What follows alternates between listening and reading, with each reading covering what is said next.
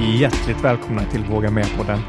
Podden för dig som älskar att aktivera det inre modet och utvecklas både fysiskt och mentalt. Med mig, Mikael Wigerud. Och med mig, Benjamin von Schmuck. Nu sitter vi igen i studion. Ja, inte vilken studio som helst, utan en eh, flytande studio. Va? Den är inte på jul den här gången? Det ska komma det också. Sant, men eh, nu är det sommar, sol och... Eh... Och regn och åska och folk som kör i hamnen med bokpropeller och väsnas och folk som repar musik. Så att vi har väldigt mycket olika ljud här och jag är ju lite ljudfixerad här. Så hur har det gått för mig i dagens avsnitt? Ja, men jag tycker att eh, du har skött dig väldigt bra och hållit din perfektionist långt bort idag. Men kanske beror det på de här äventyren och de stora haven som vi har seglat på. Ja, det är svårt att eh, slita sig från dagens gäst och de här äventyren som är svårt att egentligen tänka sig till. Det är kanske någonting man hade sett på The Blue Planet eller National Geographic som exotiska paradisställen och öar som jag knappt kan uttala. Borra Borra, Påskön och Galapagos. Det, det, det är ställen, det, det är långt att flyga till. Om man ens kan flyga. Idag sätter vi segel och får höra hur dagens gäst egentligen säger att det enda som begränsar oss alla från att göra saker är bara oss själva. För saker är väldigt tillgängliga. Och sitter du på den stolen och sitter där, ja det är du fan själv som har satt dig där. Då kan du lika bra sitta någon annanstans. Det är lite farligt att lyssna på dagens avsnitt tror jag, för det är svårt att ducka när man hör Tom hur han skapar sitt eget liv.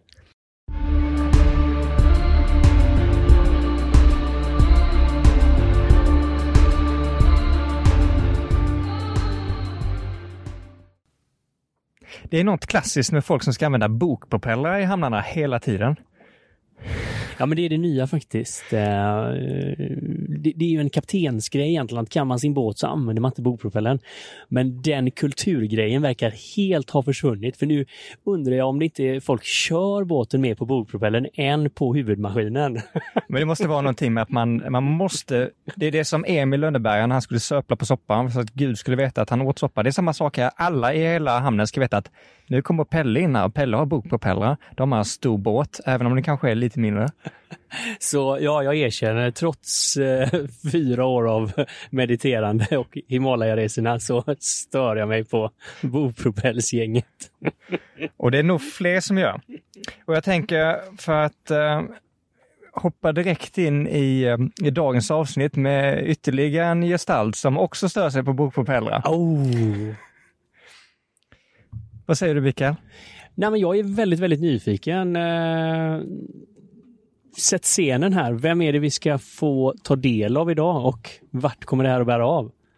Så med oss idag så har vi en riktig äventyrare och en mycket god vän, Tom Engels.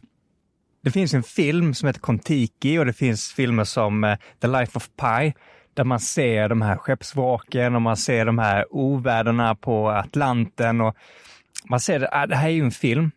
Men idag sitter vi med en person som har varit med om sådana här händelser. Vi sitter med en person som har eh, inte minst varit Galapagosöarna, Påsköarna, Bora Bora, fridykt igenom förlista flygplan och jag vet inte hur många hundratals hajar, det kan man se på hans Instagram. Med det sagt, jättekul att ha dig med podden Tom. Varmt välkommen, det här ska bli så spännande. Tack så mycket. Tack så mycket. Ja, det andas ju äventyr över hela båten här nu.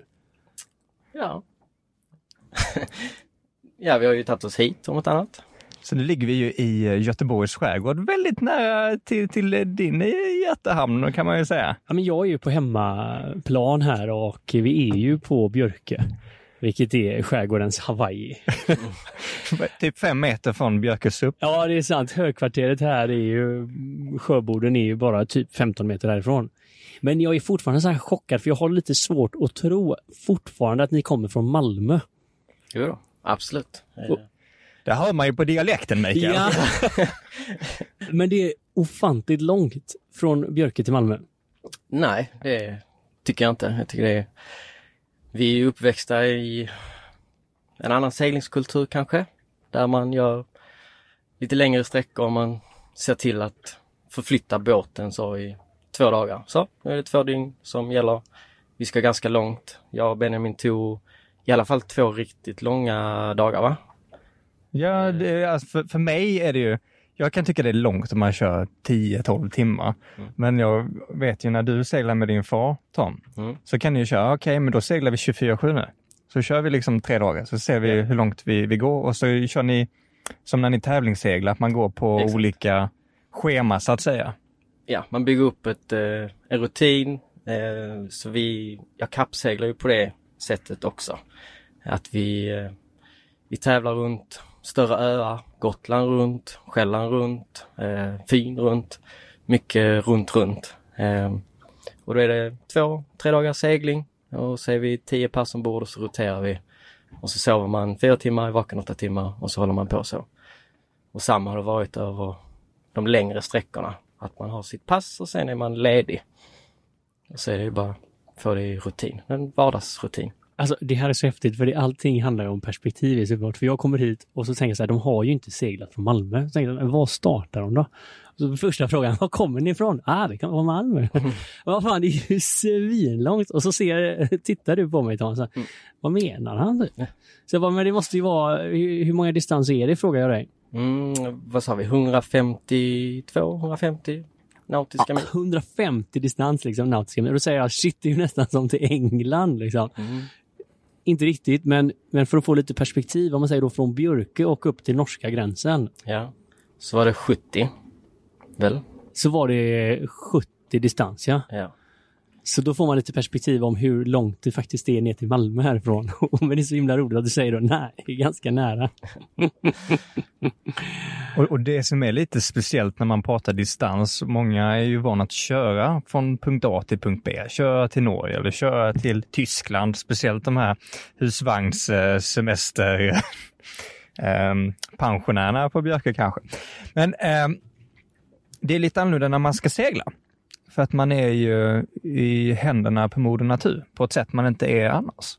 Eh, kanske om man är pilot så är man på, på liknande sätt beroende av väder och vind. Men jag tänkte eh, gå tillbaka lite grann, för vi vet ju att du varit på så många äventyr. och har gjort allt från att eh, um, kitesurfa till att åka skidor, till att säsonga, till att eh, segla nästan till runt hela jorden. Var kommer den här äventyrslysten ifrån? För min del startade med en utskällning eh, från min far. Jag, tror, jag vet inte om jag har berättat det för dig, men det brukar komma upp ganska många. Mitt startskott. Eh, så jag är uppväxt med en äventyrlig pappa och en kärleksfull mamma. Någon gång när jag var 17, 18 kanske, så hade jag sommarlov. Var liksom instängd på mitt rum, spelade dator, var lite trött på fan det händer ingenting. Jag sitter här med mina kompisar online. Vi, vi kommer inte riktigt någonstans. Och min pappa som jobbar ganska mycket var uppe väldigt tidigt, så här fem på morgonen typ. Skulle flyga till Norge. Eh, och då var jag uppe fortfarande för jag har ingen dygnsrytm och ingenting. Och Så han gick upp, men du var, och hade jag- inte gått och lagt dig? Nej, Ja. exakt. Jag hade inte gått och lagt mig. Du var inne i gaming mode. Classic. Jag var Classic. inne i super gaming mode.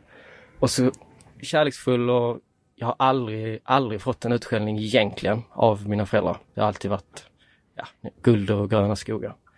Så kommer han in och så kärleksfullt, oj, hej, är du vaken?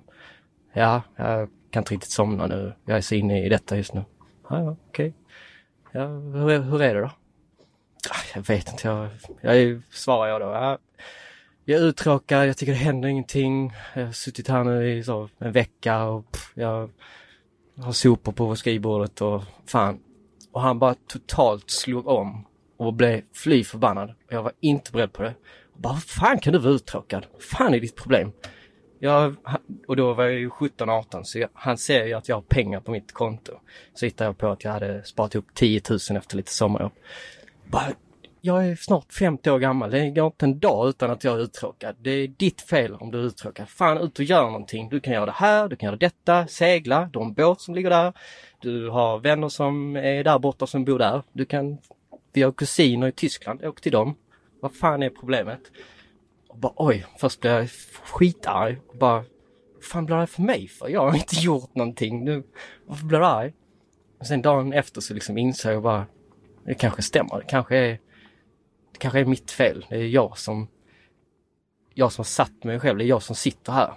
Jag måste, fan att det är jag som måste göra någonting för att komma härifrån. Och det då kickstartade det hela. Då hade jag någon kompis som kitesurfade. Det tyckte jag, det såg ju fräckt ut. Varför har jag inte gjort det? Ja, 10 000 kronor. Ja, men jag köper kiteutrustning för tre. Så, så var kiten igång. Ja, oj, lite pengar är ju lite nice och så lite extra sommarjobb, inga utgifter, försöker festa lite mindre. Plötsligt så kom det lite pengar. Jaha, vad är nästa sak man kan göra? Oh, jag har sett kompisar som åker skidsäsong och alla kommer hem och bara är glada. Det är bara positiva miner. Fan, det ska jag också göra. Så, upp, iväg, sticka, gör det. Ja, hur gör man då? Ja, lite googla, fråga någon. Snipp, snapp, snut så bor du med fem andra på ett litet, litet utrymme i en liten, liten fattig, nästintill äcklig lägenhet. Men det spelar ingen roll för det är inte där du ska vara. Du ska liksom vara utanför, du ska vara i bergen. Eh, och på den vägen har du bara rullat vidare. Så det var startskottet där. Exakt. Vad fan är ditt problem? Hur fan kan du vara uttråkad? Man känner nästan hur stark den var, för det är jävligt relevant. Hur fan kan du vara uttråkad? Ja. Det bara slog mig så tydligt. Han kunde sagt massa andra saker som jag inte hade lyssnat på. Men han liksom träffade rätt i den utskällningen mot mig. Det var vad jag behövde höra. Det var vad jag behövde ja, få veta för att jag ska liksom ta mig ut ur mitt tonårsrum. Man aktiverar ju något ansvarstagande för Ja. ditt egna liv. Yes. Och förmodligen var han ju tvungen att vara ganska skarp där, annars hade du duckat Ja. för det eller hittat på någon ursäkt. Och han tänker ju inte en sekund på det. Han fattar ju inte det. Eh, så när jag berättar så tio år senare att det har eventuellt förändrat hela mitt liv. Den utskällningen där fem på morgonen. När han skulle flyga. Och han var ju mest bara Egentligen var han nog bara arg för att jag var uppe så sent. För att då går han upp. Så det hade nog inte egentligen med det att göra. Men orden han valde lyckades då pricka mig tror jag. Det är ju jag som sitter på stolen vid datorn. Det är inte kan ju inte vänta på att någon annan ska hämta en och skicka ut mig på Atlanten. Kom, nu går vi. Det är ju liksom, det händer inte utan, Men det har varit lite en lärdom för dig också. Det här med att eh, med just att eh, man, man kan vara lite olika personligheter. Det finns vissa personer som är väldigt dragande. Mm. Som säger kom igen, nu kör vi, nu gör vi det här. Mm. Och sen finns det personer som behöver liksom, hoppa på det. Som jag, har en väldigt god vän som jag bodde med i Luleå. Han var liksom den andra personen där. Som kommer med en plan. Nu ska vi bestiga Kebnekaise, eller nu ska vi åka till Australien. Så var han på det. Han bara, ja fan vad kul, och så gör vi det. Han hade aldrig kommit på det själv. Och det är någonting lite grann som vi har pratat om också här, Mm. Tom, Yes. för att det kan vara svårt ibland att hitta dem. Om man vill göra mycket äventyr, det här var ju ditt startskott. Mm. Ehm, men du har ju lyckats göra det lite grann och kommit iväg på de här fantastiska resorna och äventyren som folk kanske närmast har sett på National Geographic eller på Blue Planet. Jo, men du slänger ju dig med eh, liksom drömgrejer mitt i de här senaste meningarna. Så bara, ja, men det var väl det som blev liksom seglingen över Atlanten. Och man, man känner genast att man får lite följdfrågor på det. ja och så, så grejen med det var ju sen att jag lärde mig, jag är tydligen ganska lat och, och farfar sa alltid att jag har en, det är någonting på din, eh, det är någonting på din tröja. Så pekar han på mitt bröst och säger, ja det är nog en, det är en latmask som kommer där och den, den ska du inte ha. Så jag har nog alltid varit lite lat och min lösning har då varit att jag, eh, jag kläcker idéer hos andra tror jag. Att jag, ja men jag ringer upp någon, du ska vi klättra imorgon? Ja det gör vi. Bra.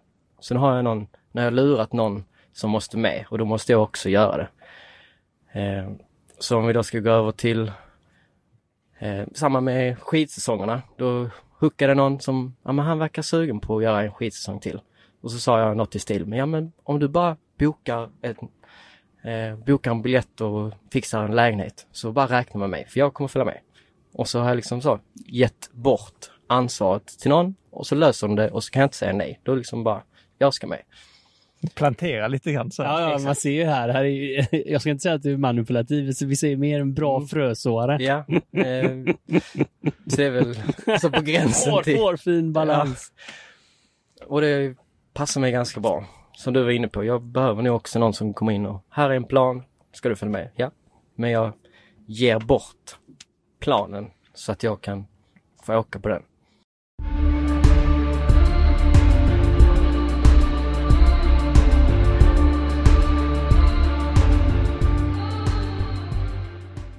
Men för att få lite försmak på, på äventyr, du nämnde här att korsa Atlanten. Mhm.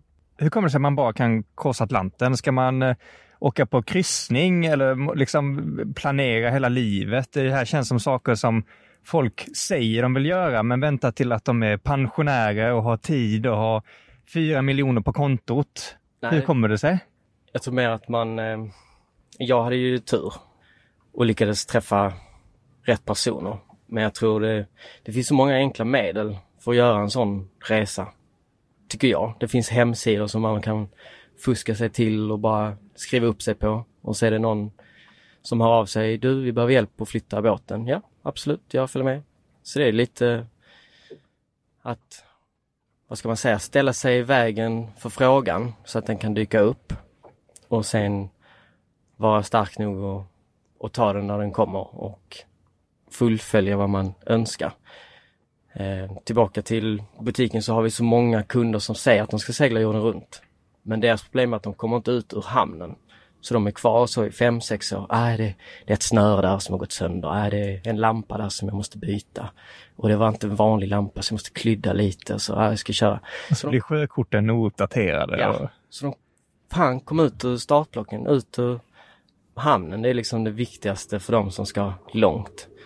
Så som åk till Kap Verde och ställ dig där och vänta på att de här tävlingarna som är för, vad kallar man det, familjebåtar. De teoretiskt tävlar över Atlanten men det handlar egentligen bara om att de ska segla tillsammans. Så att det blir lite tryggare. Så om man bara utsätter sig för att vara där och vara redo för att det finns antagligen en plats över. Hej, jag är söt, snäll och trevlig eller hej, jag är duktig på att laga mat. Erbjud dig att laga mat på en båt. Och så är det någon som, åh vad skönt att någon kan laga mat. Ja, du kan väl få följa med. För det är ju bara inom situationstecken två veckors segling. Så du En får- kortsegling också i dina ögon, Matt. inte kortsegling men det finns liksom värre sätt. Alltså du ska ju inte gifta dig med personen. Så visst, kommer man inte överens och, och den biten eh, så är det bara så att säga två veckor man får stå ut. Men hur gick det till för dig för att komma ut? Hur, var, hur gick åkte du till? Camp Verde och sa jag lagar mat? Nej, så jag, så jag stod i våran kära lilla båttillbehörsbutik och så hade vi jämnåriga kunder som utrustade en båt för att de skulle segla jorden runt. Tre kompisar. Som vi kom väldigt långt in på båten, vi liksom visste vad allting var och vi hjälpte dem helt enkelt. Så hela båten byggdes via den här Vi- butiken ja. nästan? Hela båten byggdes via oss och under lång Stod det loggan på sidan också? Nej, det är det inte. Vi... Inga sponsorship. Säga. Okej. Ehm, Men man kommer liksom nära när någon älskar någonting och vill ha hjälp och menar allvar. Och man spenderar ändå, ja men säg att de kommer förbi butiken två gånger i veckan för att de utrustar, utrustar, utrustar, utrustar och bygger om och bygger om och renoverar. Så man kommer ganska nära en person. Eh, och sen börjar deras resa och vi vinkar och sa tack och hej, ha det så kul. Fan vad roligt med en sån resa. Hur, hur kändes det då när liksom vinka av de har varit med och förberett den här resan och guidat dem vilka produkter och vilka första hjälpen-kit, vilka plotters och vilka navigationssystem och sen så bara ja nu sticker de. Det kanske var min dröm också. Ja, så lite det. Det var ju lite så, hej då drömmen, ha det. Och så säger Men du är nästan med lite på deras äventyr här, va? Ja. genom processen och hur lång tid har de varit och sprungit i din butik? Ja men säg då ett och ett halvt år. Ja, det är så länge. Ja, det är något åt det hållet. Så du träffar liksom, dem mer än vad man träffar de flesta kompisarna. Ja, ja egentligen. Ja. Men vi, det är inte en sån relation vi bygger upp, men det är ändå nära till en, en kompisrelation. Men ändå liksom professionell då. Ja. För de, ja men vilka snören ska vi gå på här? Vad tror du? De här håller de? Och, Ja. alltså, jag tänker det är oändligt med frågor. Men nu drar de i alla fall. De lämnar hamn. Chip och hej leverpastej. Yes. Nu sätter vi kurs här mot... Mot eh, Medelhavet börjar de. De tar eh, kanalerna genom Tyskland och genom Europa. Och de har ju egentligen, de, de tre har egentligen aldrig, aldrig seglat, aldrig riktigt ägt en båt utan det är bara fix idé, vi ska göra detta. Eh, Adam som äger båten och kapten har fyllt båten med bandyklubbor och skit och mål och utrustning för han, han ska starta ett innebandylag på Salomonöarna för att möta Sverige i VM för att det är enkelt att kvala in från ett land som där borta. Så jättekonstiga idéer och som sagt. Så Adam har då en dröm. Han ska segla till Salomonöarna ja. och starta ett innebandylag. Exakt. Och för mig som inte har koll på var den här ön ligger, vad snackar vi? Är det liksom norr om Danmark eller vad? Så det ligger mellan, man kan säga mellan Australien och Asien måste det bli. Så han har liksom på båten lagt in bandyklubbor och mål? Yes. Okej. Okay. Och du, du fastnar lite grann för den här personen då, Adam, som är kapten då gissar jag? Ja, en fantastisk människa. Otroligt utåtriktad och han har lärt mig orimligt mycket saker med ja, hur man pratar med folk, hur lite man, med brist på ordval, men hur lite man ska bry sig.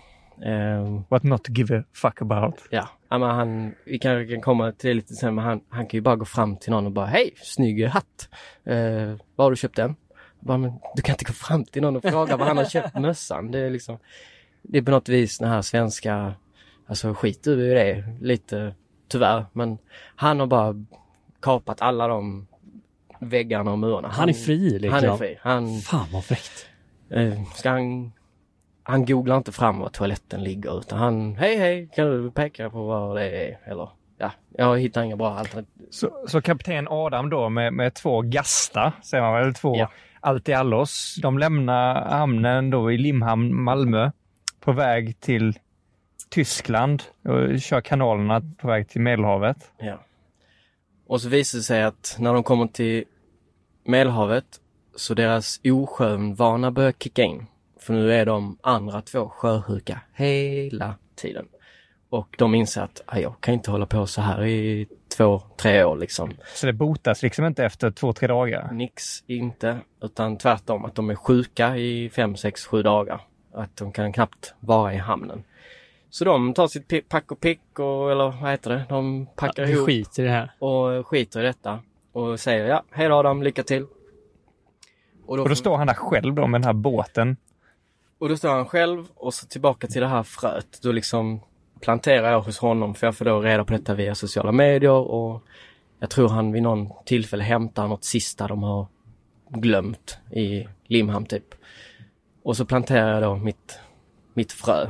Du, eh, säg till om eh, du behöver hjälp någonstans jag kan ju ändå ganska mycket om båttillbehör så jag kanske är bra att ha ombord. Du har sålt in dig själv i det här laget kan man säga. Lite så. Eh. Som den finaste produkten i hela butiken. så ett halvår senare eller något sånt så, så hör han av sig och frågar du, nu sitter båten i Kap Verde. Jag ska bara hem och jobba lite eh, och spara lite pengar och sen eh, ska jag segla Atlanten Har du lust att hjälpa mig över. Så ja, det är klart jag vill. Och så i min värld så börjar tankarna, shit jag har ju bara kappseglat och varit på platta vatten i jämförelse. Och oj, ska jag gå in för detta? Ja men jag, jag vill nog ha med mig en, en kompis till som jag vet är minst lika duktig. Så jag och en kompis bestämmer oss för ja, vi ska med. Och vi möter upp dem då i Kap Verde och, och startar första seglingen. Och Kap Verde ligger var då någonstans? Det ligger utanför västkustafrika. Det är typ, ja vad ska man säga, närmsta punkten mot Amerika. Om du eh, ska... Så det är där man vill korsa så att säga? Du vill helst eh, börja där.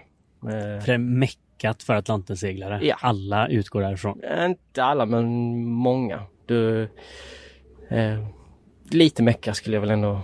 För mig är det det enda logiska. logiska. Ja. Du du tar dig lite så lugnt och dit och sen därifrån. Så Moder Natur har liksom sagt så här, med väder och vind så är det här, this is the best spot. Ja, och så går väder och vind by the book. Varje vinter, varje datum här ungefär, då kommer de här trade winds som man har hört om i böcker och sånt som har utvecklat samhället att det är så de hamnar, vad ska man säga, alla produkter har seglat runt världen. Så som brev på posten så kommer det vind åt rätt håll, i rätt riktning och strömmen är med och det är varmt och det är fint.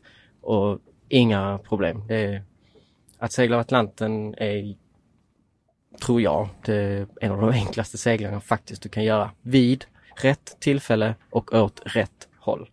Segla mot andra hållet. Segla, låt oss säga att vi ska från Miami till Norge. Då jävlar har du eh, oväder och det blir fel håll och det...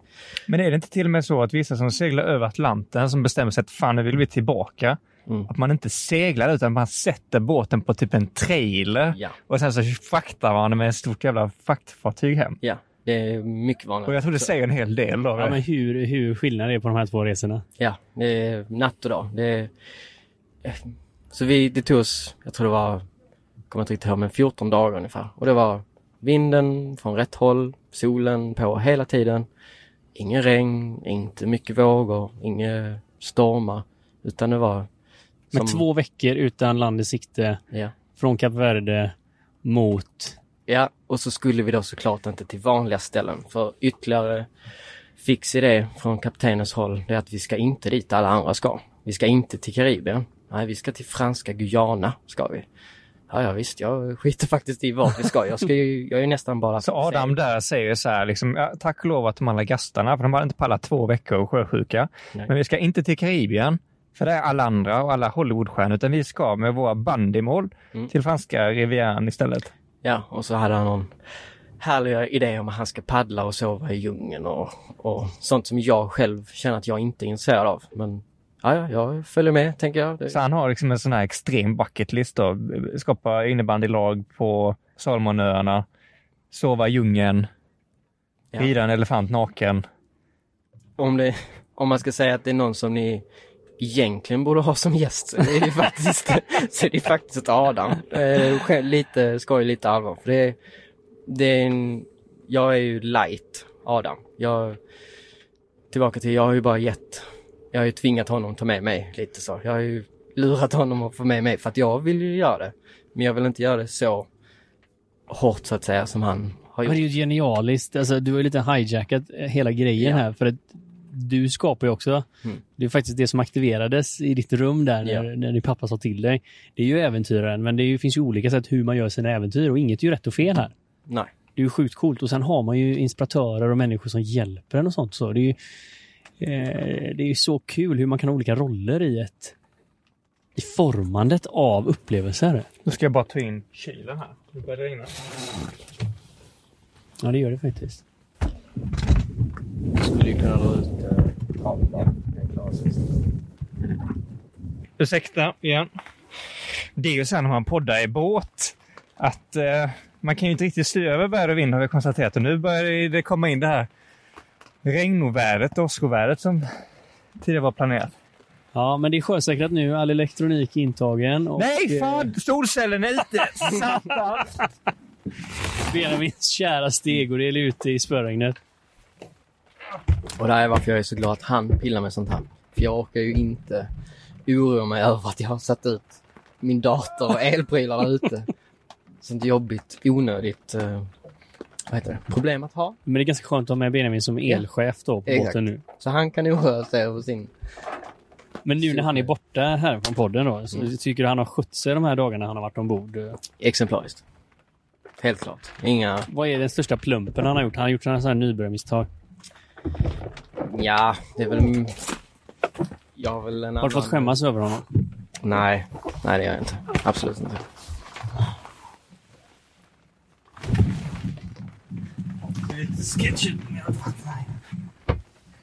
Vi har ju ändå på något vis levt ihop så många år. Eller parallellt. Så många år som man är ändå ganska van. Så du står ut med honom nu för tiden? Mm, hade du frågat mig för fyra år sedan hade jag inte gjort det så här länge. Men nu... Han har bättrat sig helt enkelt. Nej, jag tror... ehm, eller ja, det har, vi har ju vuxit har vi gjort. Så det är mer det att man har lärt sig vad, vad som är rimligt att vara arg på och inte. Kan man säga. Jag ska nog stänga. Ja. Ska vi pausa lite i väntan kan på att det här lite. ovädret drar över?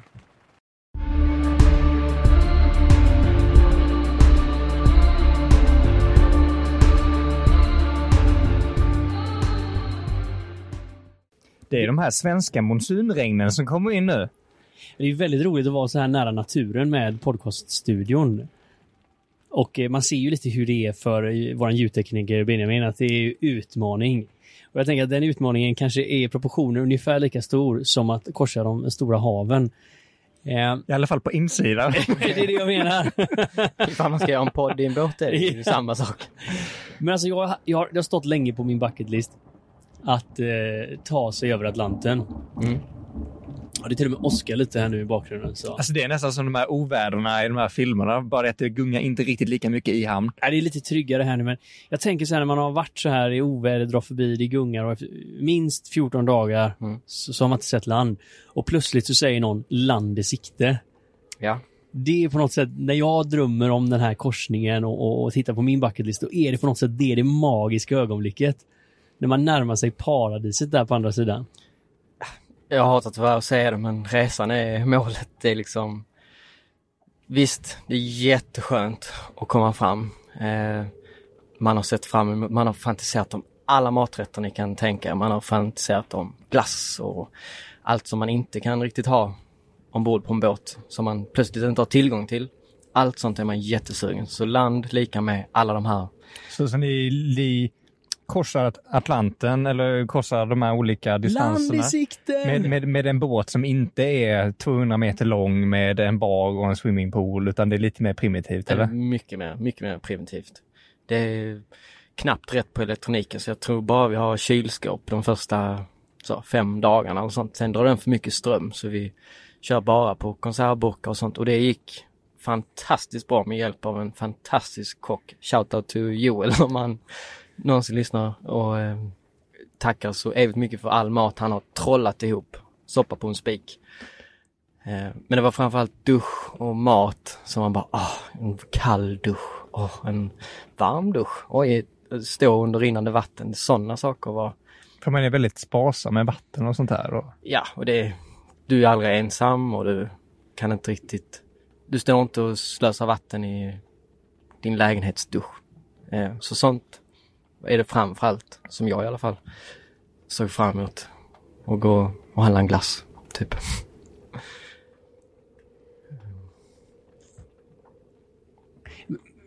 När man ser land i sikte här, hur är det? För då har ni styrt kurs, inte in i Karibien, utan här kommer vi in i Franska Guyana. franska Guyana. Det låter ju väldigt exotiskt. Ja, och det är tvärtom, det är världens besvikelse. För min del. Jag ser framför mig att på andra sidan ligger Karibien med turkost vatten. Nu är det gröngult, riktigt sunkigt, trist vatten. Vi kommer, det har precis regnat så djungeln mer eller mindre som vi lägger till vid. Då är det lera och det är, allting är lite så kissekast. Och vi kommer in och berättar vad vi har gjort till hamnkaptenen. Lite som vi går upp här och betalar hamnavgift. Samma sak gick vi upp i den hamnens variant av hamn hamnkontor och berättade vad jag gjort och han bara ja, wow, very nice, very cool. Uh, uh, don't go swimming by the way. Uh, det är krokodiler i vattnet, det är farliga fiskar och det är ormar i, gå inte utanför vägen. Så bara, ah, nej, det här, det här kan jag faktiskt leva utan. Så Atlantenkorsningen, ja, jättehärligt med land, fantastiskt. Men min bild av det var inte alls som jag hade förväntat mig. för du har ju seglat i Karibien något år innan där va? Ja, gud ja. Ja. Eh, Eller jag inte. Till och med vi har seglat Vi- i Karibien. ja. Ja. Det Och varit med om lite så här tropiska väder och tropiska stormar och sånt. Så Ja. jag kan tänka att den här bilden för vad som finns på andra sidan Atlanten Skulle- efter de här 14 dagarna Ja, skulle, gick lite i kras där. det skulle ha varit Karibien liksom. Så, så framför mig. Men då var det, ja, tänk er djungel. Alltså, en, Lite Mowgli då kanske till och med. ja men inte det här vackra man har sett på alla bilder utan mer den sunkiga sidan först. Sen bakom allt detta finns ju också, vi gick upp till något litet vattenfall och vi, vi seglade upp till någon annan ö som hade historia med, finns någon film som heter Papillon eller något sånt. Eh, tror de har gjort någon rerun på den. Någon fånge som rymmer från en lite så här halvöde ö. För att vattnet är för strömt och för farligt så du kan inte simma därifrån. Så det, det är bara en ö de har satt fångar på förr i tiden. Så lite sådana besök och sen gick det ganska fort. Vi hade, jag hade ganska bråttom hem. Så jag satte mig på flyget och flög hem. Och när jag kom hem så insåg jag väl att fan det här vill jag ju definitivt göra igen. Jag trodde att jag inte skulle vara så sugen som jag ändå hade blivit. Så nu är det ju på min sida som ett frö växer liksom. Shit, det här ska jag göra. Du har planterat det här inom dig själv nu på något sätt. Fått Men hur känns det? Sitter du plötsligt i en lägenhet i Sverige? Och drömmer mig tillbaka till båten. Att jag, här, jag har mycket roligare på båten. Eh, Jag är, in, jag är inte uttråkad på båten. Eh, Jag vill till båten. Så jag samlar på mig pengar, hör av mig igen och säger jag vet att du inte har jättemånga som följer med så långt och jag vet att jag har varit en, vad ska man säga, good asset till båten med de kunskaper jag faktiskt har, eller som jag sitter på. Så se till att, ja, jag är med så långt pengarna räcker nästa gång. Eh, jag vill över nästa hav. För då, lite tillbaka till ett land och det var inte riktigt min min dröm, min önskan, utan tvärtom, jag skulle ut på havet. Så på andra sidan Amerika var ju det som sen verkligen lockade. Men jag tycker det är jäkligt fint och du har sagt det ett par gånger också. Du har, sagt så här att resan är målet. Det är ändå något unikt med det. Jag tycker man kan nästan ta på den auran kring det för att de flesta av oss, det är väldigt lätt att man är just målfokuserad. Och så fort man har uppnått ett mål så, mål så kommer ett nytt mål. Men det är väldigt tydligt när man träffar dig att det är resan som är målet. Nu hoppar jag över ganska mycket men tillbaka, jag hamnar ändå tillbaka till samma arbetsplats efter den långa resan. Alla kunder har ju fått reda på vad jag har gjort och frågar ju, ställer ju mängder av frågor. Vad är det värsta vädret? Vad är de bästa platserna? Och då berättar jag ju det. Ja, det var där och det hit och denna stormen har vi varit. Men vad jag inte berättar är ju som i viss mån ni, ni inte riktigt har nuddat vid heller. Det är att jag har gjort resan med sju andra personer som jag inte har känt innan. Och det är ju de som jag har fått häftiga, häftiga dagar med, häftiga relationer med. Du kan inte ta Adam som exempel. Vi levde ju ihop i sju månader utan att vara mer än, ja men säg att båten var 10 meter lång. Och vi har egentligen inte varit mer än 10 meter ifrån varandra på sju månader. Ja. Och då, då liksom så de här två veckorna över Atlanten var bara startskott på en mycket längre resa då. Mm. Ja, men det är som att sitta i fängelse ihop. Ja, och du, ja, ja det är det ju nästan. Eh, Och lite som det här du var rädd för om man skulle hoppa på en båt över Atlanten. Shit, om man inte klickar med alla eller något sånt. Men du har inget val. Du ska vara här i två veckor. I mitt fall så var jag inställd på att jag ska vara här. Simma hem då? Jag ska vara här i sju månader med de här personerna. Jag måste få detta funka för jag vill fortsätta. Så om någon tycker annorlunda så istället för att bli arg, surig, bråka, bli ovänner, hela resan blir pest och du har skapat lite som dålig energi liksom. Du har inte tid med det. Du, ingen tjänar någonting på det. Så du löser alla situationer för att du helt enkelt måste det, typ. Det är ju jäkligt intressant hur mycket som av det här man kanske skulle kunna applicera i sitt vanliga liv. Ja. Om man tog lite mer ansvar som du säger. Det är enkelt att bli arg och sur och grinig men när man inte ens blir av med folk och kommer inte längre än tre meter ifrån dem så. Vad fan ska du göra? Det är liksom inte lönt. Och det kommer ändå komma fram. Så det är också det, du blir konfronterad hela tiden. Så om någon tyckte att du har inte diskat på fem dagar hittar jag på. Så kommer det ju fram. Du Tom, nu har du eh, inte gjort. Sköt dig lite. Gör detta. Ja, jag fattar att det betyder mycket på en sån liten plats som jag skrotar ner överallt. Jag får lösa det. Så du blir konfronterad med problemen och måste, måste lösa dem. Men nu när de här händer, då är vi alltså på västsidan av USA. Ja, så nu är vi, nu startar vi i Panama. Då har Adam återigen åkt hem, sparat pengar och sett till att nu ska vi segla längre.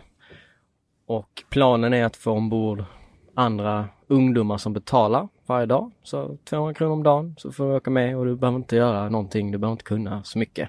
Och så sköter jag och Adam resten. Så vi åker dit två månader innan alla andra dyker upp och innan alla andra hjälper till kan man väl säga. Så vi, vi har satt mål på Galapagos och de har ganska höga krav. Det ska vara, det ska vara rent och fint på botten av båten så vi slipar bort all gammal giftfärg. För hur är det med Galapagos? Jag har ju bara sett det på bilder och via tvn egentligen och Youtube och sådär. Men det, jag har ju typ sett det som en sån här, eh, ett ställe man absolut inte kan åka till om man inte har eh, ett stort filmteam med, med sig där man ska liksom kartlägga livet för en sköldpadda som är utrotningshotad och kommer inte finnas om ett halvår. Typ att man måste ha sådana krav. Jag tror och hoppas att de fortsätter med sådana krav. Men det är lite av en myt upplever jag det. Det är många som man kan flyga dit. Man kan eh, bo på ett hotell där. Men för oss i alla fall så är det väldigt, väldigt dyrt. Du ska ju först över hela Amerika. Sen ska du hitta något flygbolag, någon flygplats som ska dessutom ha en, ja, ett flyg som ska till Galapagos. Det är inte så många flyg dit. Så det blir nog mest bara dyrt. Så ni sätter segel? Så vi tar, vi ska ju ändå förbi där, så vi siktar ju på det. Men då är det som sagt lite förberedelser som ska till. Så jag investerar två månader av mitt liv för att hjälpa till att ja, hjälpa Adam helt enkelt utrusta båten. Men vad, du, du var tvungen att lyfta båten och ta bort all bottenfärg? Ja, bort med all gammal svensk icke godkänd färg. Det har vi hört från miljöministern. Att, ja. Eh, och här är det väldigt påtagligt så. Så, ingen giftig färg nej. kommer in överhuvudtaget? Nej, eller? och inget kött och inget... De har liksom... Eh, för att förklara så när vi väl kom dit så kom det sex agenter, personer, eh, det kommer sex viktiga personer. halvviktiga personer. Så är det en som hoppar i vattnet och dyker, kollar, ja botten ser bra ut. Inga konstiga djur eller bakterier som eventuellt kan förstöra ekosystemet eller som leguanerna kommer äta ifrån eller sälarna kommer skada sig av. Och sen är det någon som går igenom all vår mat. Ja, är det har vi massa växter med som kan förstöra. Om vi tar växter i land kan vi förstöra någonting då. Så de går liksom igenom så att vi inte har ja, farliga saker för Alltså det här är ju väldigt sunt, alltså som en kanske lite går bort lite från story, men eh, jag önskar att mer hade gjort så här. Så att det inte blir som typ halvkatastrofen i USA med ett par som släppte ut eh, två stycken lionfish Exakt. som är sådär farliga giftiga fiskar som egentligen hajar äter, men hajarna i USA gjorde inte det. Så de bara liksom fortplantade sig till tusentals. Men som mördarsniglar och ja. Kanadagäss. Mm. vi har ju många ja. på levande exempel. Möss och kaniner i ja. konstiga länder som inte var beredda på det. Så, Men ja. här är det, alltså det säger ju lite om faunan och vilket mm. ställe vi är på också. Det är som du säger, man har ju mest sett det här stället på Discovery Channel. Mm. Eh, kan du ta oss lite dit? Så då har vi seglat i... Vi har gjort ett depåstopp på en annan ö mittemellan och sen tror jag det är fem, fem dagar, en vecka tror jag. Så totalt från? Eh... Från Panama så tror jag det är Nu seglar vi både långsamt och gör långa stopp. Så det tar oss nog en månad eh, eller ja i alla fall tre veckor tror jag. Från Panama till just Galapagos. Och så kommer vi dit och vi vet om att vi inte får lov att gå i land. Så vi får vi blir tilldelade en plats, ett ankarboj eller ett ställe där vi får lov att kasta ankar. Jag kommer inte riktigt ihåg om vi lov för ankar eller boj. Och så säger de lite i stil med vänta här tills vi kommer. Och så sitter vi och bara... Och gör det de på radion då eller? Ja, på radion och via mail så sitter vi och vi, det kliar hela kroppen. Man vill vara i land ah, Släpp in oss, släpp in oss. det var inte som när ni kom till franska rivieran då om man säger så? Nej, det var Nej. inte så. Och det tar lätt 6-8 timmar Ja, det kändes i alla fall som... De testar ert tålamod lite här ja, också. Väldigt lång tid. Och sen kommer då hela artilleriet som går igenom. Ja, det är godkänt. Alla passar bra ut. Ni ser friska ut. Eh, eh, vi har lite taxibåtar som kör runt. Då ligger det kanske så 20 båtar i en stor vik. Och så är det små gula båtar som roterar runt, runt. Så kan man antingen via WWF eller busvissling komma och hämta oss och så betalar man 20 spänn och så får man åka in till land. Eh, Men båten måste då ligga på den platsen? Man får inte ankra vad fan man vill? Eller? Nej, man får okay. inte flytta sig. Och skulle man byta, så Galapagos består av typ fyra eller tre öar. Så ska du byta ö så måste du meddela, du måste betala, tror det var typ 10 000 per ö om du ska förflytta dig. Och det är inte så farligt om man är åtta personer som delar. Och i vårt fall så gjorde vi ett crewbyte. Så vi var ju, vi var ju nästan 15, ja 12 personer i alla fall som delar på de avgifterna. Men eh, såväl i taxin så är det tyvärr fortfarande båtar som är så halvöde eller lokala båtar. där ligger det sälar och solar. Eh, och om man tittar noga så på samma sätt som vi kanske ser en and eller en svan som simmar mellan båtarna så sticker ett huvud upp på en eh, leguan, en ödla helt enkelt. Och samma som vi har krabbor har de eh, röda krabbor och massa konstiga djur som ändå på samma sätt är som våra djur. Det är bara det att man har bytt ut dem mot något vad vi tycker är mycket fräckare egentligen. Så istället för fiskmåsar så är det eh, fåglar med röda fötter på ena ön och fiskmåsarna på nästa ö, då har de blåa fötter. Och så är det någon Darwins, eh, ja, hans resebok också där typ, eh, och förklara. Så det är bara, de har bytt ut djuren till fräcka djur. Så det är lite större, lite giftigare, lite äldre, de här, jag tänker de här sköldpaddorna som liksom har vandrat den här jord ganska många år och de här pelikanerna och hajarna också va? Hajar, absolut. Mycket stora stim med hammarhajar. Eh, men min, resten av gänget hade då dykcert som inte jag hade fixat än. Eh, och var ute på de här äventyren och så. Ja, då pratar vi stora stim med, hittar jag på 50 till 150 hammarhajar på ganska långt avstånd men de är ändå där, du ser dem ändå. Um, så väldigt exotiskt djurliv helt enkelt.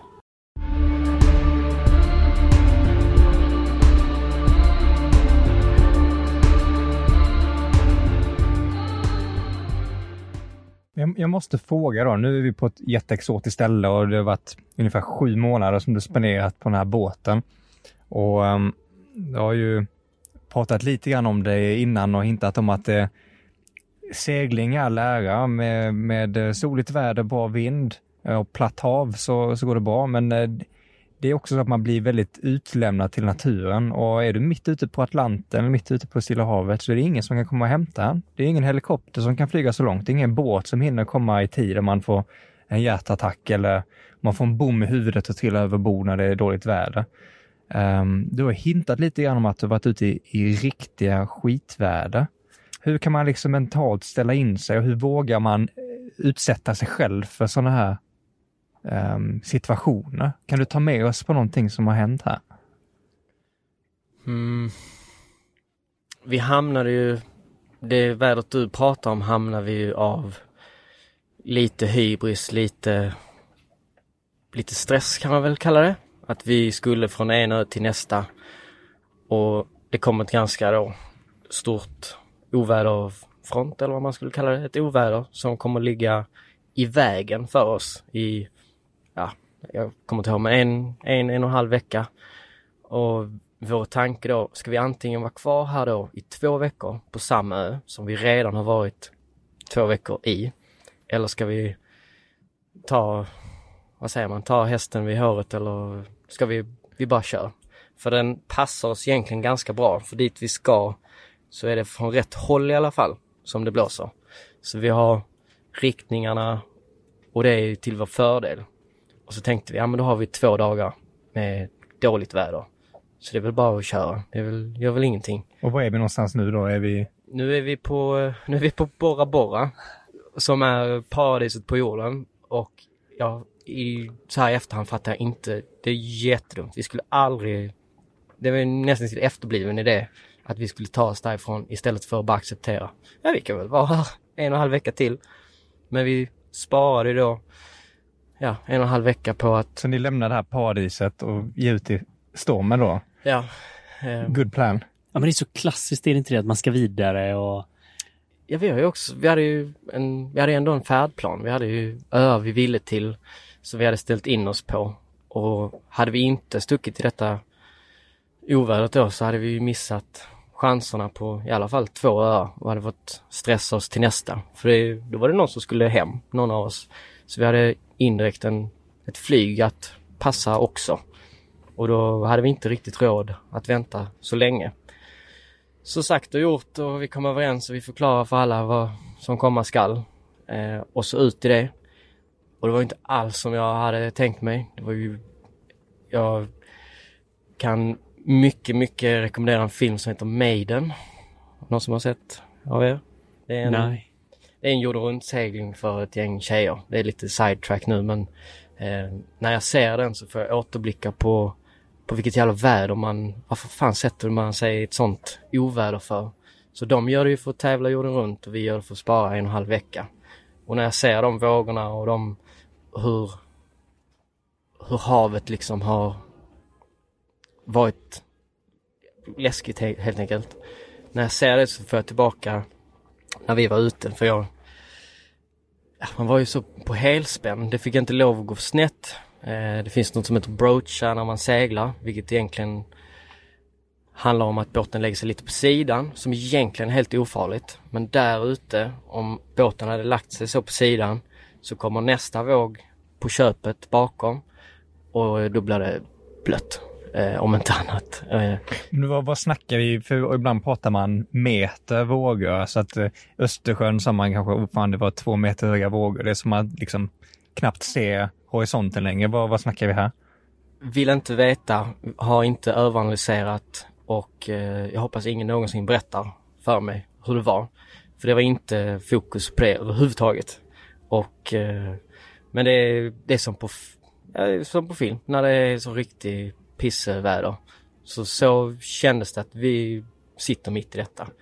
Och tacksam är jag för att de är ju också mycket, mycket längre. De är ju längre och höga. För det är som liksom höghus som kommer mot den, fast de kommer inte så tätt som man gör kanske i skärgården här där vi sitter. Exakt, det blir liksom inte spetsigt, det blir inte hoppigt utan det är långa gung och det, det är liksom alltså lätt 20 sekunder mellan vågorna. Så du är upp på en våg och så får du fart och så går du ner för vågen och så ser du nästa komma bakom dig. Du väntar lite, okej.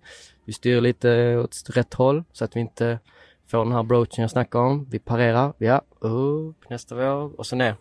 Och så gjorde, så gjorde vi så, så var vi tre som kände att det här har vi kontroll på. Och så stod vi så i sex timmar och så styr du, ja vad kallar man det, eh, all in. Du är all in på styrbåten. Du har på något vis ansvar för båten och livet i de här sex timmarna. Och så hade vi en fantastisk eh, tjej ombord, Adams tidigare bekant. Som såg till att vi fick mat i oss och skötte liksom båten.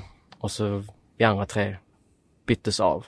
Och jag har nog aldrig varit så alert och jag har nog aldrig somnat så fort som när man var färdig. Så när man byttes av hann jag nog bara precis sätta mig, så, dunk. Och så fick man sova loss. Men här var du i zonen alltså. Det, det, för det, det känns ju som att det är på liv och död nu där ute nästintill. Vi, jag vill inte lägga dem, för det var det ju inte. Vi klarade det bra och det blev ju aldrig farligt. Det är ju saker, peppa peppa, det får inte lov och det får inte lov att gå fel. Är det, och det är det här, just det du säger nu. För vi har pratat lite grann om det här tidigare och så har jag sagt så här, mitt analytiska jag. Men Tom, vad händer om någonting går fel eller du trillar av någonting? Och då har du sagt bara, det får inte hända. nej, och Det är bara det, det får inte hända. Och jag vet ju hur van seglare du är, så hade du poppat i vattnet liksom. Ja, tack och hej. Ja, ta, det, tack och hej och liksom Det good det luck ganska för, enkelt. good luck för de Man andra över också lite grann. Ja. Då är det finito. Ja, säg ingenting till mamma men det var bara jag som var ute. Så jag tillät inte att de andra gick ut. Utan jag kände att jag hade all utrustning för det och jag är, eller var faktiskt båtvanast på båten. Som det var... Fan vad tacksamt för Adam. Jag, För båten kommer i alla fall gå, gå rakt till kurs. Nej, men man känner ju ditt beslut här. Alltså här är Han- det ju... Han var garanterat ute också, men jag vill minnas det som att jag, jag såg till att båten, inte, ingen behövde gå ut. Eh, vi hade satt ett litet, litet segel som liksom gör vad vi behöver. Och så är det ingen som ska gå ut och vi är egentligen inomhus. Det är ett stort, eh, vad ska man säga, två, två och en halv meter brett gånger tre meter, en liten lekstuga. Eh, storlek som en lekstuga som är liksom ett hus uppe på båten. Så det är som en liten hytt där man kan sitta då. Är det Exakt. ratten i där då? Så Ja. att man kan sitta där och styra och sen så om man ska ut och göra någonting, dra i någon tamp eller... Så måste Ja. du fysiskt ut genom en dörr. Så så sätt så var vi liksom trygga där inne. Så Okej. mamma hör detta, det är lugnt alltså. Ja, det är Du lugnt. hade läget under Ja, kontroll. vi hade läget. Det var som en röd dörr där i en portal till en annan värld och det var... Men man känner ju en skärpa här som inte riktigt fanns i ditt rum när du spelade data. Ja, gud. Det- tror att den här skärpan om man säger, för man kan nästan se på den när du berättar och man kan känna, man, man är jäkligt levande i sådana här situationer. Eh, tror du att det är något som vi har tagit bort för mycket i livet? Att, att verkligen känna oss Absolut. levande? Yes, svarar jag. Ja. jag vet inte hur jag ska fylla på. Jag tyvärr kopplat till en annan filmdokumentärgrej. Har ni sett han som dyker med en bläckfisk? Bläckfisken och jag eller något sånt heter den. Ja, jag har sett, inte hela, men halva. Och han är inne på att vi har tappat kopplingen till naturen. Och att han var lite olycklig då och att jag måste... För han blev så avundsjuk på hur folk på Afrikas savanner hade liksom kunnat se i sanden. Där har gått en spindel och där har gått en orm. Men vi har liksom kopplat bort oss från naturen på det sättet. Det kan jag känna att det har vi tappat fullständigt. Vi har inte en halv människa här som fortfarande är i eh, behov av naturen. Att vi liksom förlitar oss inte på att du ska fiska idag. Du måste överleva vintern. Du måste förbereda allt detta. Utan det, är- det, är, typ, det är för lätt eh, på något vis. Och någonstans så hänger det här ihop också med upplevelsen, att, att när vi är i, i synk med naturen så blir vi mer levande. Jag blir det i alla fall. Jag känner att det... Jag tror jag skrev någonstans i en dagbok eller på något Instagram-inlägg att jag hade en dålig dag. Att eh, det var inte guld och gröna skogar hela tiden. För det är det inte. Det är inte bara paradis. Utan det finns dåliga dagar också. Men- Det hörde vi ju nu senast med eh, vågorna som tog 20 sekunder att gå över. Ja, ja, att det finns liksom dåliga dagar. Men så fort vi i vårt fall dök igen och återigen på ställen där det omringas av diverse, inte nödvändigtvis farliga djur, men det är liksom ändå, du måste vara lite på hugget. Du kan inte, För annars blir du huggen av alla hajar. nej det blir det inte. Vi ska nej, inte, vi ska nej. inte, Jag vet, jag är en hajälskare själv. ja, så lägg inte upp de bilderna, Ja. utan det är, Hajar är vänliga djur. men du är lite på hugget. Du, Ja. eh, du kan inte bara Man kan inte vara soffpotatis med Nej. västkustchips i handen. Nej, och ska vi, som vi, vi fridykte ganska mycket och då är det lite djupare och lite längre tid.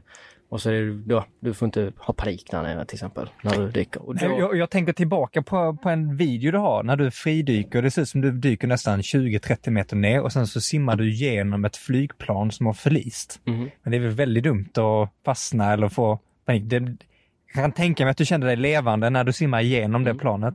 Absolut. Eh, Kan det bli nästan som, man, man kan ju kalla det så här adrenalin-junkies eller folk som hoppar eh, från, eh, från berg och nu får vi höra att du styr i oväder och, och dyker med hajar och simmar genom plan. Blir det liksom som, eh, som någonting man, man söker lite grann? Söker de här? för mig blir det nog mer ett fokus junkie, att jag måste, som till exempel nu när du och jag har varit ute och seglat. Och det är lite, det är inte alltså, Stilla havets storm, men vi är en mycket mindre båt, vi är en känsligare båt som inte är byggd för särskilt hårt väder egentligen. Det kan komma vatten in på sidorna ganska lätt, det är inget farligt så sett. Men jag känner att jag själv måste tillbaka till det här fokuset. Att nu, nu är jag fokuserad. Okej? Okay? jag får inte lov att hoppa i. Jag får inte lov att... Vi båda får inte lov att slå oss. Det är lite tillbaka till vad jag försöker komma till. Att jag får inget adrenalin-junkie-behov, men jag, jag tror jag har ett fokusbehov. Det, Jaha. Men det är att, ganska eh, tydlig skillnad. Jag tycker man, man, vi, vi träffar ju adrenalinjunkies ibland också. Och det är väl det lättaste att, att söka, alltså Mm. euforin genom adrenalin. Det är lätt att hoppa bungyjump eller eh, hoppa ut genom ett flygplan. Så, men, Mm. men man ser på dig här egentligen om man hör på dina historier att du inte, du inte, det är inte kicken i sig, den kommer inte genom den höga vågen utan du zonar in. Du Mm. pratar om hur du blir nästan ett med naturen kan man höra på de här stora vågorna där ute. Mm. Du har en tydlig uppgift. Du är i den under längre tid. Ja. Och plötsligt någonstans där så merchar allt och det blir en... Det blir logiskt för mig. Det blir så som jag helst hade haft varje dag. tror jag. Det, det är så jag önskar en hel dag vore. Att man är så inne i... Och så energin som jag ändå har. Vi alla har nog ganska hög energinivå men den bästa känslan jag har det är väl att komma hem eller komma till sängen och bara dunk. Och bara somna. För då har du de stunderna, för mig i alla fall, uppstår bara när jag haft sån lång fokusdag. Att eh, jag har sprungit eller cyklat eller rest en hel dag kanske. Eller om man har jobbat väldigt intensivt en hel dag och så kommer du hem för nu är fokuset slut.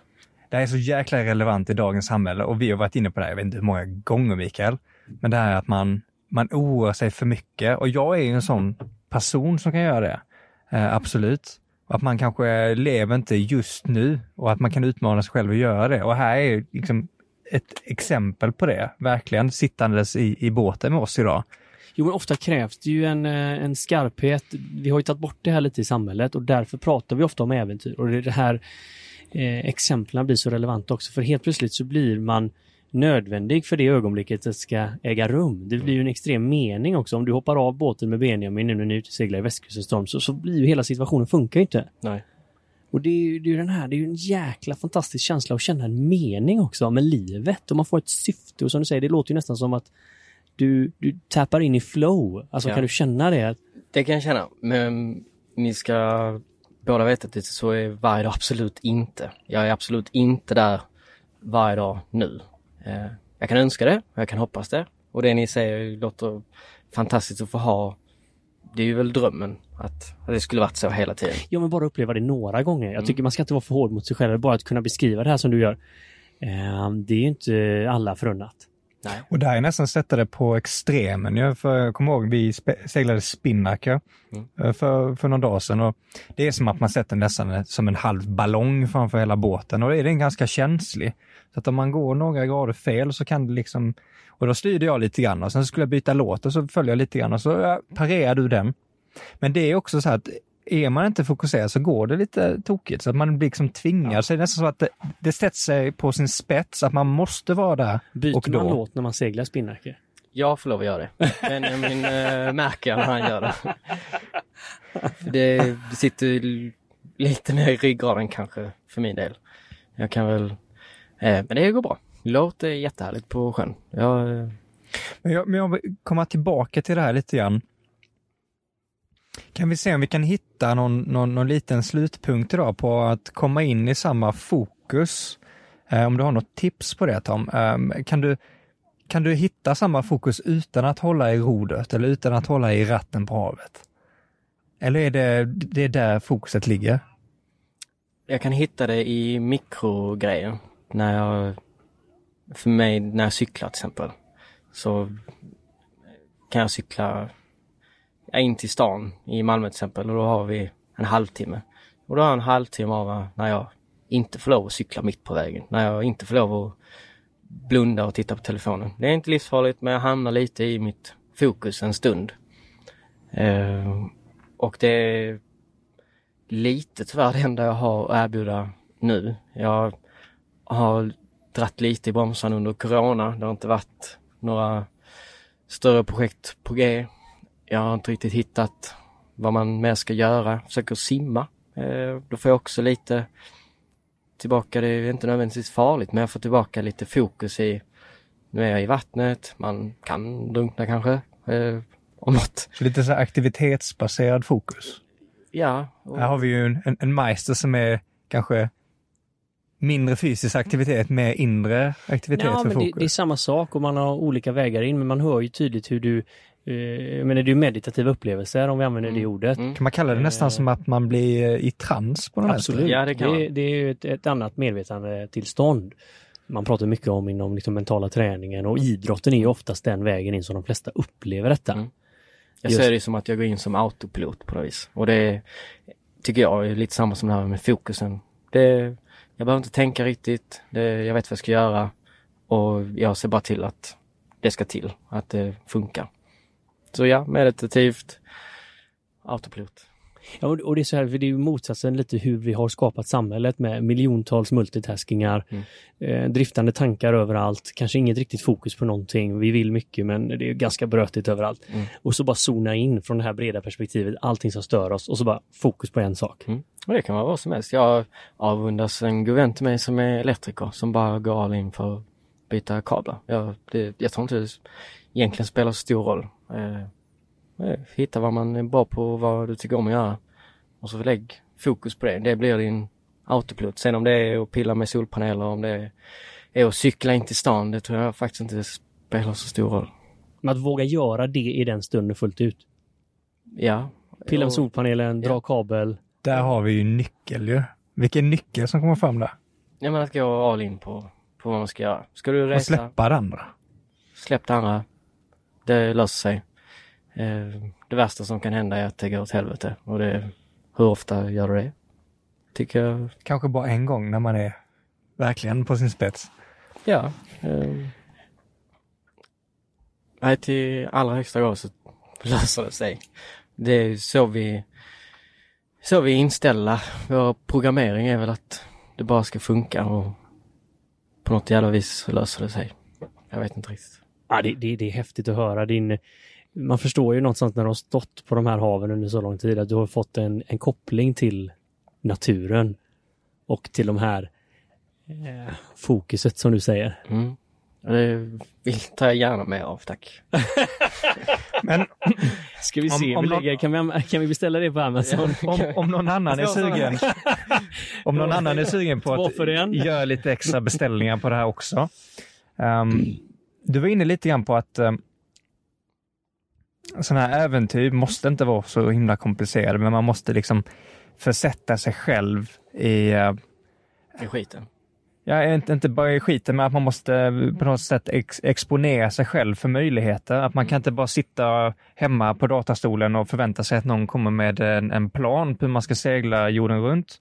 Utan att man behöver hitta olika nycklar. Och som, om vi inte vill vara bryggseglare, som vi tyvärr är just nu när vi sitter här eh, på, på, på Björkö. Om man inte vill hamna där i fem år och förbereda en båt och helt plötsligt så kommer man inte ut ur hamnen. Utan man, man vill äh, komma ut på sådana här äventyr. Har du, har du någon tips där? Har du någon slutgrej till våra lyssnare? Absolut, sikta, sikta lågt. Börja, börja en seglarskola till exempel.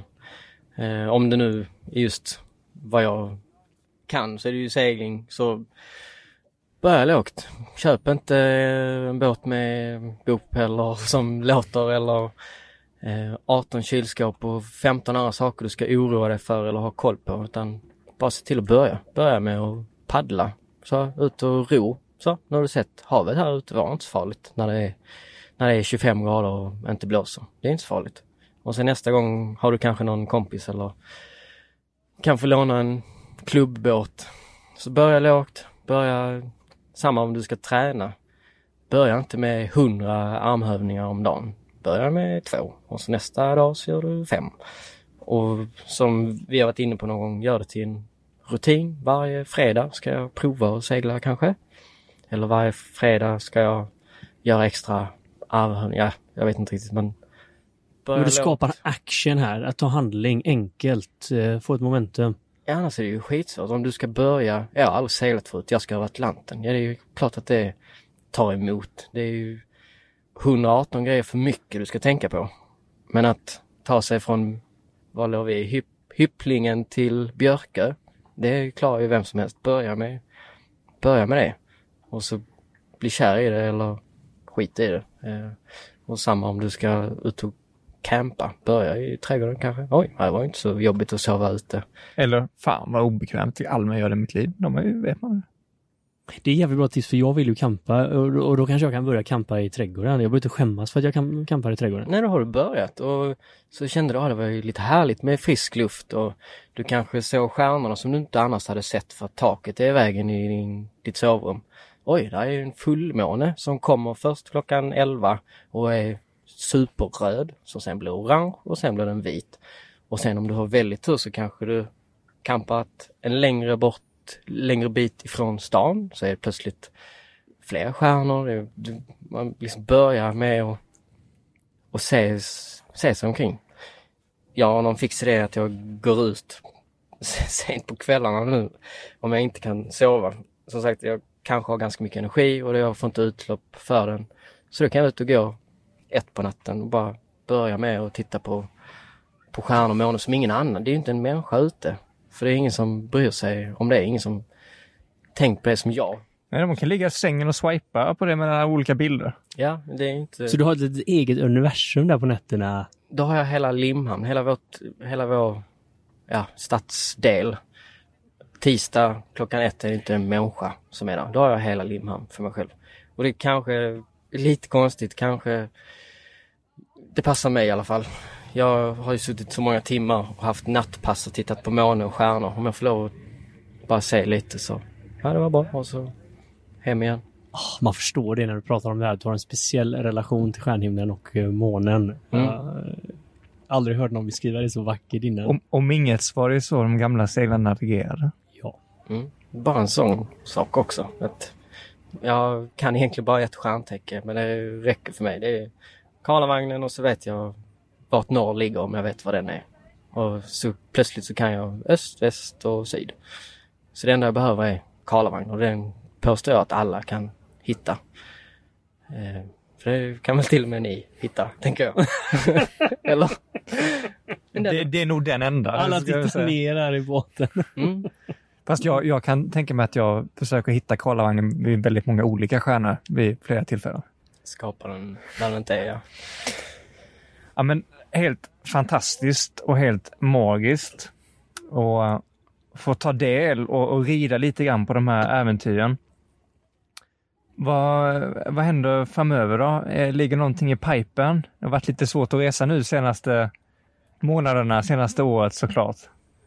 Mm. Var ligger nästa dröm någonstans? Nu försöker jag väl ta, ta det jag pratar om lokalt. Att jag måste inte över Atlanten för att ha kul segling. Jag kanske bara ska ut på natten i Öresund. För det är också fint. Eh, så jag försöker att inte göra det så komplicerat för mig. Försöka njuta av saker jag inte har sett innan i närheten. Så, så man måste inte ligga på en boj i Bora Bora eller dykt med eh, 50 hammarhajar varje dag för att liksom finna lycka med livet? Nej, jag önsk önskar man kunde hitta den närmre. Eh, jag, var lite, jag fastnade med ditt semestersnack eh, i någon, något av era avsnitt om att det alltid skulle vara så avancerat. Eh, och det hoppas jag att jag inte behöver. Man måste inte segla från Limhamn till Björkö för att ha en bra semester. Det råkar bara vara något jag tyckte att det ska jag göra för nu måste jag ut och få mitt fokus.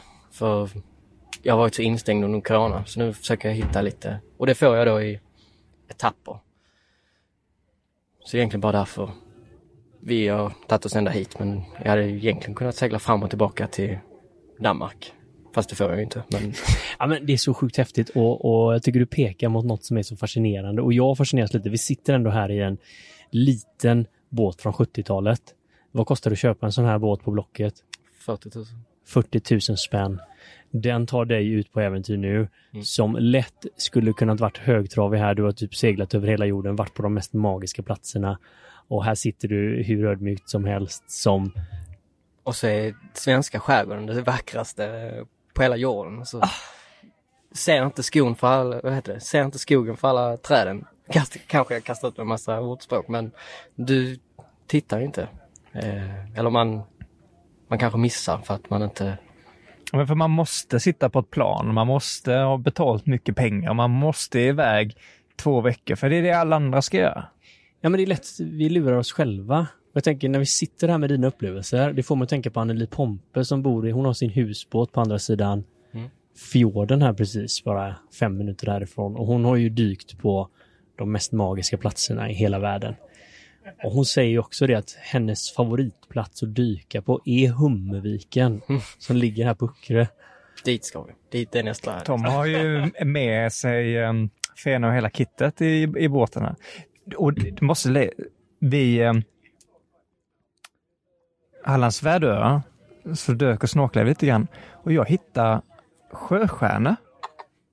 Jag, det, det, jag blev helt så här Va? Har vi sjöstjärnor i Sverige? Det var fan det jävligaste. Blå femarmade sjöstjärnor. Det var bara, jag tog en och så visade den för dig. Jag tror inte du har sett sjöstjärnor i Sverige innan heller. Har du det? Jo då. Okej, okay, för du var också så här, woo, sjöstjärna. Och sen så, bara, ah fan. Har du tur så hittade någon här i Björkehamn. Ja, och så den var, det var jätteliten, som en tumme ungefär.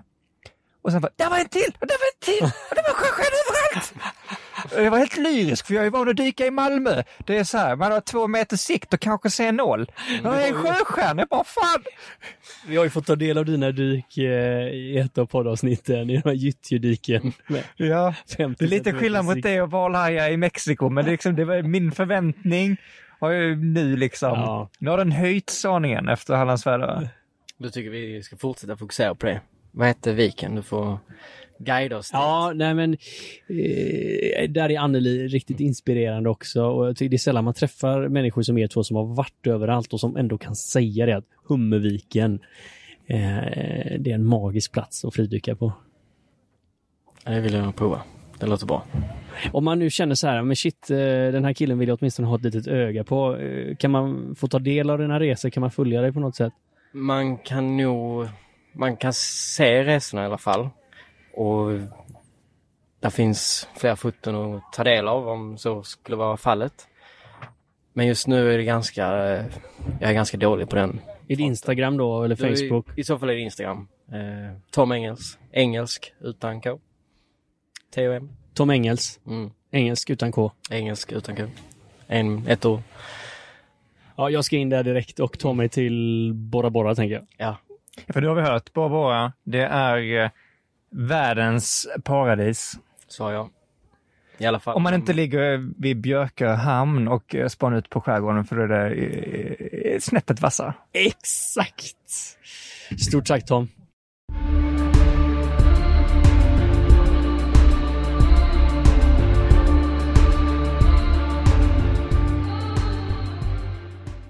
Du har precis lyssnat på Våga Mer-podden. Med mig, Benjamin. Och med mig, Mikael. Vill du höra mer av oss så måste ni ju såklart prenumerera på podden. Och det gör ni genom att ni klickar i den här klockikonen där poddar finns. Det brukar vara som en, en liten, liten, liten ikon. Så se till att ni hittar den så är ni med nästa avsnitt och nästa igen och nästa igen och nästa igen och ni är alltid uppdaterade. Och är det en sak som vi verkligen tycker om i Våga Mera-podden så är det ju att vi tillsammans engagerar oss. Så in på våra sociala kanaler, kommentera, dela och inspirera varandra. Ha en magisk vecka till nästa gång så syns vi snart igen.